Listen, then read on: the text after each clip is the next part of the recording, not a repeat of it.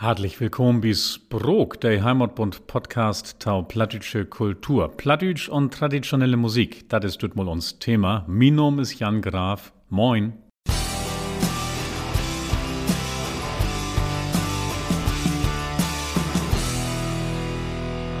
Und ich sech dat Glick für weg.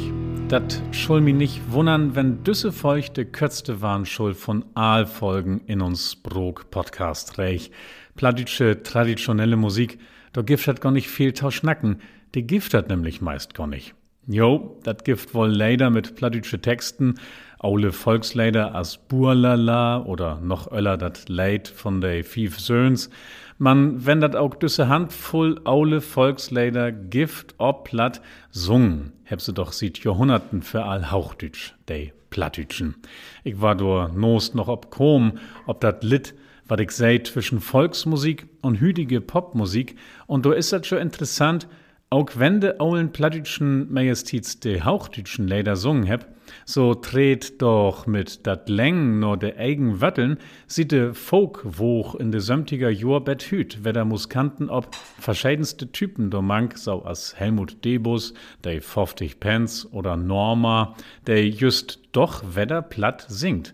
Eins in den wietsten Sinn plattdütschen Pop. Super Musik, do mank, man se set er Wörter bi ob ein Sound, der sich ohn distinkte Kenntaken in de westliche Folk- und Popmusik inricht. Do is kein typisch eigen niedersassischen oder freischen Klang, kein besünner Melodik, Rhythmus, kein spezifisch Instrument oder Ort und Wies tau singen, dei blaus wie heb und an dei ein dei Musik nu as Plattdütsch oder sassisch kin wor. Dei Mangel an eigens. Gaut Beispiel ist der Schief von Hannes Wader, der hey 1974 bei Mercury rutbröcht het. Plattdeutsche Lieder heit se. Ich weet noch, als ich Student in de 90er Jahr wär, auch ich hef no sin Melodien grot, sin matten Hos und minche Hansung. Der Schief ha jo düchtig Inschlag bi de Lü. Mensch, sau flott kun uns aulen plattdütschen Volkslieder klingen, dat wissen wir schon gar nicht, hab se secht. Und wat ha dat don? Hannes Wader ha sich Bluegrass Muskanten ut de USA dort tau holt. Bob Douglas, John Bergquist und mit eins käm ein Groffs mit seit in Gaude Rau as Picking-Nummer rüber. Plattdeutsche Lieder von Hannes Wader. Sieht Düssen Mielenstein von dat Folk Revival in de Sömtiger, kannst du mit Folkbands, de plattdeutsche Volkslieder dörchte angelsassisch-keltische Häkelcamp des Troten plostern. Köttens Heigmollen lütten Klönschnack mit Hartmut Schröder. Hey ist der Geschäftsführer von den Landesmusikrot Schleswig-Holstein. Wir hab schnackt über de typische Musik von Schleswig-Holstein. Wo kein sich in bayerische Fernsehen de sen Wirtshausmusikanten ankiek, und ich daudert gern mit inner, de hört do Ensembles, de von authentisch über folkloristisch bet kitschig, man altit musikolisch ob Hauchniveau Musik spielt, wo zumindest ich, der ich von de Alpen nicht allzu viel abweit, dat Gefühl hef, jo, dat verbindt sich mit lokale Musiktradition, wat sie dort spielt, bei den Ungarn spielt mit drin, bei den Humter Humter, bei den Zittermusik und so wieder. In Schleswig-Holstein hab wir wenigen bet kein Ensembles, die typisch schleswig-holsteinsche oder norddeutsche Musik repräsentieren können. Licht dat Dor an, dat uns de Tradition fehlt? Musikanten, die Ligaslust habt, ob akustische, traditionelle Musik, se bedeint sich in den Oberländer. In Hof Ackerbaum in Kiel-Mettenhof drobt sich der Fiedler und spielt schwedische Polskas. Der Folkclub Ostangeln in Kappeln dröpt sich taukeltische Sessions. Jo, Hartmut Schröder und ich kämen do ob, dat dat eben typisch is für Schleswig-Holstein. Wir hab hier ein Masse Folkbands, der Musik spielt, der ut Skandinavien oder Irland is oder der zumindest sau klingen schall. Und wat ich bloß sagen will, und selbst wenn sie nu denn noch Plattdeutsch singt, denn klingt dat immer noch sau, so, naja, so in de Ort, as dat eben 1974 bi Hannes Wader klungen het. Fiddle, fiddle, pick, pick, mit plattdeutsche Texten. As ich all seh. Sich mit plattdeutsche Musik befoten, dat heit, sich mit den Mangel an eigens befoten. De Melodien von uns leider, de wie heb ahns harmlose Wiesen in Dur. Nix mit dat warme Moll oder dat archaische Dorisch, as dat uns von de Küsten von uns Noberländer in de Meut schallt. Man, dat will ich auch sagen. Meist Nüms is ja auch bigon und hätt mol ernsthaft versöcht tau arbeiten mit de harmlosen Melodien in dat harmlose Dur, in dat harmlose Norddeutschland. Ich hef boben secht, wir heb kein eigen volksmuskolschen Tradition, man ich hoop jo, dat der ein oder ander dor all Wedderwör ha und secht het, Teufmol, wat heit, wir heb kein eigen muskolschen Tradition. Wat is denn mit de niederdütschen Volksdance? Leider habe ich da wenig mit gar keine Ahnung von. Man tau minst bi Wikipedia lest du ja über den niederdeutschen Volksdance. Der niederdeutsche Volkstanz besitzt eigene Merkmale, die ihn von dem anderer Regionen Deutschlands unterscheidet. So sind Tanzschritte und Figuren wie zum Beispiel der Achterrüm-Schritt oder der Hamburger Rückschritt typische Eigenheiten. Alde Folkmuskanten in Schleswig-Holstein. Habt ihr dat einmal probiert? De Seel von den niederdütschen Volksdans tau und mit er in Swingen tau kom. Okay, ist vielleicht ein bisschen pathetisch und einigen hebt dat auch aldon. Wieder so. Und ich mein dat auch wirklich als open froh. Heb wie nauch versöcht uns muskolsch af, dat Lütte, wat wie man heb, in ein Form Wassentauloten, dei auch von doch noch döcht, ich will nüms wat unterstellen, man bet mi ein von dat Gegendale übertücht, heffig dat Gefühl, wie hebt dat taun grötzten Dale einfach so ad acta lecht. Uns af, wie des Annaländer, Süddeutschland, Skandinavien, de Kelten rangohn sind an er af und junge Muskanten heb, de er Musik spielt so gaut und düchtig, dat wie einfach blauts still und demäudig ward. So, nu bin ich beten von dat Leid afkom, ob de Dance und so denn nicht de Instrumentalmusik, man dat lässt sich eigens nicht wirklich schäden, ist jemand eins, volksmuskolische Praxis. Wir schnackt von Pladütsch und traditionelle Musik und überall seid wie dort de Dominanz von dat, wat von woanders kommt. 1924 hätt der Volkskundler Paul Alpers dat in sin Bauk die alten niederdeutschen Volkslieder sau versaulen. Nachdem die hochdeutsche Schriftsprache im amtlichen Verkehr und in der Kunstdichtung auch in Niederdeutschland die Herrschaft angetreten hatte, ist auch nach und nach im Volksgesang die niederdeutsche Sprache von der hochdeutschen verdrängt. Während im 15., 16., 17. Jahrhundert und später viele Volkslieder aller Arten in niederdeutscher Sprache gesungen wurden, ist sie heute nur noch auf kleine Liebeslieder, Scherz und Spottverse und auf die Gelegenheitsdichtung beschränkt. Diese Erscheinung hat sowohl in dem verstärkten Eindringen hochdeutscher Volksdichtung besonders der sentimentalen Gesellschaftslieder des 18. und 19. Jahrhunderts auf einen durch Buchdruck und Reformation für das Hochdeutsche empfänglich gemachten Boden, als auch in der Pflege hochdeutschen Kunstgesangs in Kirche und Schulen ihren Grund. Einen prunkenden Schatz von bodenständigen Liedern haben die Niederdeutschen nicht ihr eigen zu nennen. Komma, sau, pass op und nu kömmt aber manche schöne Perle können sie aufweisen. Und nu lecht Alpers ein Spor, as ich vielleicht boben mit der niederdütschen Volksdance. Jo, wie hebt nicht fehl, Mann, lot uns doch mal bekicken, wat wie heb. Und so schrift hey, Manche schöne Perle können sie aufweisen. Auf niederdeutschem Boden sind gewachsen das alte Lied von Dierik van Berne, die kernigen historischen Volkslieder, besonders das leider verlorene Störtebeker Lied, das in seiner fast wilden, knappen Herbheit ergreifende Lied von den fünf Söhnen, das dunkle friesische Buske die Remmer, vielleicht auch das alte Lied von Hildebrand. Naja, und so wieder ein beiden wat an eigen, ich sag mal, Leid oder Motivwörteln habt ihr Plattitschen doch, man, dat langt schien's nicht, wie singt meistens Hauchdütsch sieht Jahrhunderte, wenn wie Volksleider singt und dorum bliff de Befund, auch wenn dat vielleicht Ideen gift, wat wie vielleicht betern kun, wo nehm dat Kiemsgift, der wie vielleicht Wassen loten kun, bet nu Geld wie Sünd, arm an eigen traditionelle Musik. Köttens ist in den Wachholz Verlag, dat nie Geleiderbauk von Schleswig-Holsteinschen Heimatbund Ruth kom. Hol din Mul und sing mit, heitert. Und uns Autor Jochen Wiegand, der für dat nu forschen und zur Hauptregen schul wat de Archiven hergeeft und sünderlich wat de Schleswig-Holsteiners em noch mitdeilen kun, tau er leider sing, de kriegt dat Boys tau Marken, wo arm wie sind. Dat dicke Bauk is Likas, oder beter just, dorüm grautortig worn. Haul den Mul und sing mit, versammelt aule Volksleider ut Schleswig-Holstein und verklort dortau de Geschichten achter de Leider. Wat für Tiden beschrieft se, wat für Menschen heb er sung, wo sind de Leider entstohn. Dat Volksleid aug as Schlödel tau de Schleswig-Holsteinsche Landes- und Kulturgeschicht bekeken. Jochen Wiegand, Literatur nömt der Hamburger Leitsänger und Volksmusikforscher sin Bemengen von Leittexten, Noten und Achtergrundinformationen. Man he will nicht, dat sin Bauchblauts akademisch lest ward.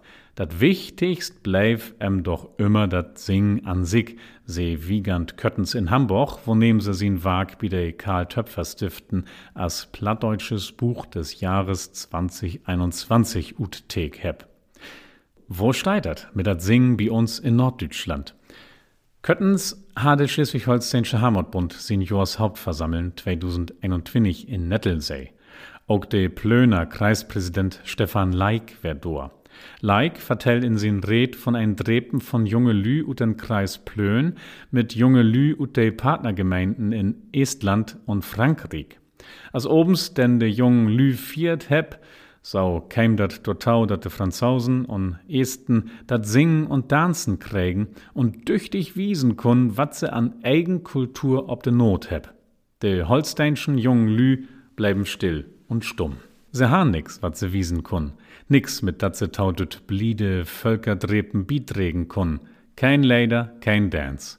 Stefan Leik leich düsse sog ant hat und hei schnack frei von de Leber weg. Hei vermohn den Heimatbund, hei schuld tau sein, dat de regionale Kultur auch an de jungen Lü wiedergeben ward, dat se man nicht sau pinlich still wehen möt, wennt ob ankümp.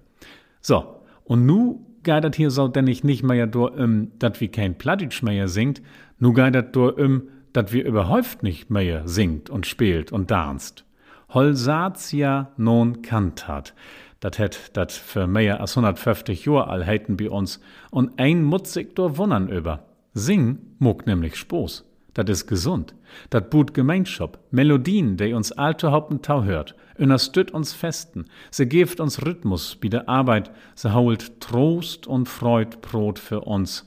Elk ein wedert eigentlich, singen deit gaut. Und Likas daut wie nicht. Plattitsch nicht, Hauchdütsch auch nicht mehr. Wie singt nicht mehr? Worum ist das so? Das Gift in Friedrich Ernst Peters plattdeutsch-hauchdütschen Roman Heine Steinhogen will Judat wiesen, düsse wunderbare D an diese door um de Wenn von Ningteins 20. Jahrhundert rum Scheulerbayer fiert. Das ist ja ein Tit, in der de Dörbsgesellschaft noch chlor regelt is. Boben de Buren, do inner Handwerkers, Hökers, Dachleuners, to innerst de Prachers und Anna, de nicht tau hört. Wie lest? De Buren möchten dat jo heil gern hören, dat singen, aber sie wären dort doch meist stolz ob, dat er Kinder nicht singen kun. Mein Gott, dat bröch jo nix in, dat wären all Brautlaus Künst. Is jo heil scheun und hören dat an, aber wer singen kun, der wär doch meist mehr mit Altenborch in den Rang, mit den ollen Zigeuner de Seipen verköff und manchmal auch mit sin Klanett Bihus de Rotten und Müs bang mog. Dat wär jo nix für Burenkinder. Ein Burenkind, dat singen kun, dat wär jo mehr so, als wenn de Buren taudanzen obspielen schollen. Dat han se nicht neudig. Dor han se erlötau. Heine Steinhogen will Judat Wiesen in düt Bauk lehrt wie, wo kein wat ob sich höllt, der singt nicht. Ist dat hüt auch noch so, dat wie singen bekiek as wat, wat ein Leiber nicht mogt, wenn ein ernst nomen waren will? Oder hättet omnipräsente musikindustrielle Dur für ut Fernsehen, Radio, Online, Streamingdiensten und so und so heil und dale passiv mogt, so dat wie uns düsse Fruch gar nicht mehr stellt. Musik der uns blauts noch als Konsument brug und uns anders nix mehr to geben het und der wie auch nix mehr to geben heb. Dat is paar Jahr her, do wäg mal ob ein 85. Geburtstag in Kreis Plön. Der Jubilarsche wünscht sich mit'n Mol den Nokom, schullen noch mol de aulen Vogelscheiter-Dance spielen und tanzen ob dat Fest. Wat dau passeie, dat wär ein Stümpern taun Gotts erbarm. Der jüngern Anverwandten versöchen sich tau besinn, man se krägend nicht mehr füreinander. Wat se an Kultur aft han, wär tau Rudimenten tweibröselt, ohn dat sich wat nichts an er Steh set ha. Lot uns ehrlich wen, wo kein von uns, dein mol Wiesenschall, wat he an Leider und sin Heimut mit sich dricht, kriegt mehr als der ersten drei Strophen von Herrn Pastor sin Kautausch dann. In Schleswig-Holstein, do lebt mol de Leidermoker Franz Josef Degenhardt, und der sung, Wo sind eure Lieder? Eure alten Lieder, fragen die aus andern Ländern, wenn man um Kamine sitzt, matt getanzt und leer gesprochen und das Highlife-Spiel ausschwitzt. Degenhardt hättert Verschwinden von de Leider Sau verklort, de Nozis han er missbrugt, nu mucht und nimm's mehr bi. Wat dat angeit, sind wie nu Tomminst nicht mehr allein, nicht mehr blauts Holsatia non kantat, nee, dat is de heile Teutonia, der nicht mehr singt. Kein alle Vögel sind schon da, und dat ein Dobby nicht an dat Logerorchester von Auschwitz denkt, der dat Leid spielt, wenn nie Gehäftling ankommt. Tot sind unsere Lieder, unsere alten Lieder, Lehrer haben sie zerbissen, kurzbehoste sie verklampft, braune Horden totgeschrien, Stiefel in den Dreck gestampft. In Quickborn in Kreis Pinbach het Franz Josef Degenhardt wohnt. Dat is ein scheun Nom für ein Dichterwohnort. Quickborn, munterer Quell, ob Hauchdütsch. Quickborn. So het auch der schleswig-holsteinsche Poet Klaus Groth sin weltbekannt Gedicht baugt nömt, wat für 170 Joa Rutkom is. Groth wär ein von der ehesten, der no zwei, drei Jahrhunderten schwiegen, dat Plattdütsche wedder sin Recht geben hätt as Sprog von Dichten von de scheune Literatur. Sin Born, dat wär dat Dittmarscher Volksleben, dat he as Kind noch belebt ha. Sin Texten sind so gaut tau singen, dat se immer wedder, bethüt, noch ob nie vertont warnt. Nicht zuletzt von Hannes Wader, der den Dittmarscher Möllers Söhn mit Hörb von Butenwarze Klampfsöldner düssen Fiddle-Fiddle Pick-Pick Bluegrass joppenden überschmeten het. Groth lebt in 19. Jahrhundert. Öberstolt, as de Buren im Dale wies Hahn kinhänig. Dat Grun von 20. Jahrhundert leich noch wied af, just so as dat audiovisuelle permanent düdeln mit dat wie Hüdigen in 21. Jahrhundert belecht sind. Dat Singen wär em Neich, düssen leidlichen Gitarrespieler mit der Mädchenseele, sorry, ich weet nicht, wo ich das Zitat herhef, und sau unter hey 1844, ob dat Holsatia nun kantat, sin Holstein kandat. Lang wär de Tiet, dau wärn wie stumm, as hahn wie Schnuppen hat. Dau gung dat Wort in Deutschland um, Holsatia nun kantat. Dau ober Schall ut dütsche Rieg Gesang ut Land und Stadt. Dat könnt wie auch, sau sehn wie glieg, man tau, Holstein kann dat. In Achtergrund steigt die Erhebung von der Dütschen in der Hertogdöme Holstein und Schleswig gegen dat dänische Königreich. 1844 wär ob dat Sängerfest in Schleswig taun ersten Mal dat Schleswig-Holstein lädt tau hören. Schleswig-Holstein mehr umschlungen. Deutscher Sitte, hohe Wacht, wahre treu, was schwer errungen, bis ein schönerer Morgen tagt. Schleswig-Holstein, stammverwandt, wanke nicht, mein Vaterland. Sie hebt lenkt nur den Anschluss an den Dütschen Bund und dorem sung. Wünscht wie uns von doch Wedder schwore politische Logen, die uns an Singen bringt, wohl nicht, wenn wir wie Verstand sind. Man, wat könnt wie daun verzingen? Wat könnt wie daun für den Plöner Kreispräsident Stefan Leik, der sich so wünscht, Sien Holsteiner Jungs und derns müssen nicht schuh schwiegen, wie des de Gäst ut Frankreich und Estland stolt ern eigen Reim ob de Orgel schmied und sich über sich selbst freut. Dat is Povan Krom mit uns Volksmusik in Norddeutschland, mit der traditionelle Musik wie der Niederdütschen. Und wat ich mi wünsch, dat is, lot uns doch mol nipp henkicken, wat sich nicht doch noch wat typischs findet, wat, wat wirklich uns is. Und da hab ich dann ja auch ein und halb Ideen hier ansproken mit dem Blick ob dat Lütte Portfolio an echte plattdütsche Volkslieder, ob dat beten stotschere Repertoire von de niederdütschen Volksdance und wat mir jüss infallt, wat is mit düssen wunderboren, typisch protestantischen Klangkörper Posaunenchor? Ernsthaft. Wat für Ideen könnt wir haben, düssen typisch norddütschen Sound künstlerisch wieder entwickeln? Wenn wir über traditionelle Musik schnackt, und nu Komik trüch ob dat, was ich da Anfang seh, so denn ich, wenn wir über traditionelle Musik schnackt, denn schnackt wie durch mi auch über uns präsenten, kommerziellen, popmuskolischen Utsichten. Ich hef mal no keken. Sieht 1956 hätt dat Lütteland Schweden sösmol den Eurovision Song Contest won. Dat noch Lütterland Irland hätt Söbenmol won. Beides Länder, in der die Volksmusik ansehen hätt und auf Hauchniveau wiederentwickelt worden is.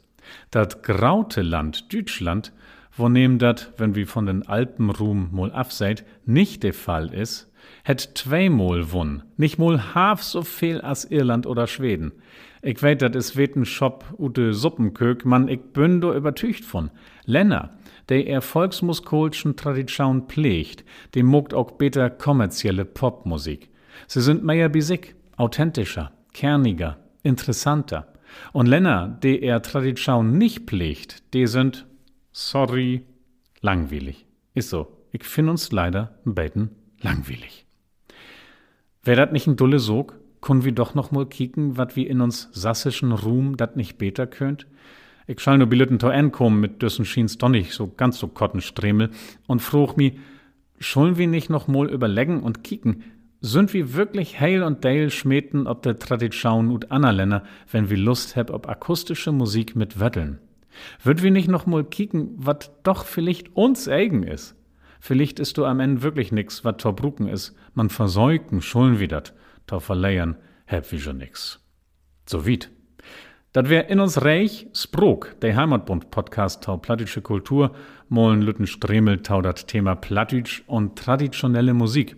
Heb sie Fragen, sind sie an Main, heb sie fantastische Ideen dortau, stört mir gern ein Mail-Tau und gef mir auch gern verlöf, dat ich vielleicht bit anamol wat verles ut Mail.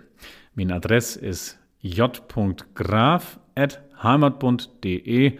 Meier tau uns Arbeit für Schleswig-Holstein findschi net inner heimatbund.de. Tschüss und herzlichen Dank für Tauhören secht. Jan Graf.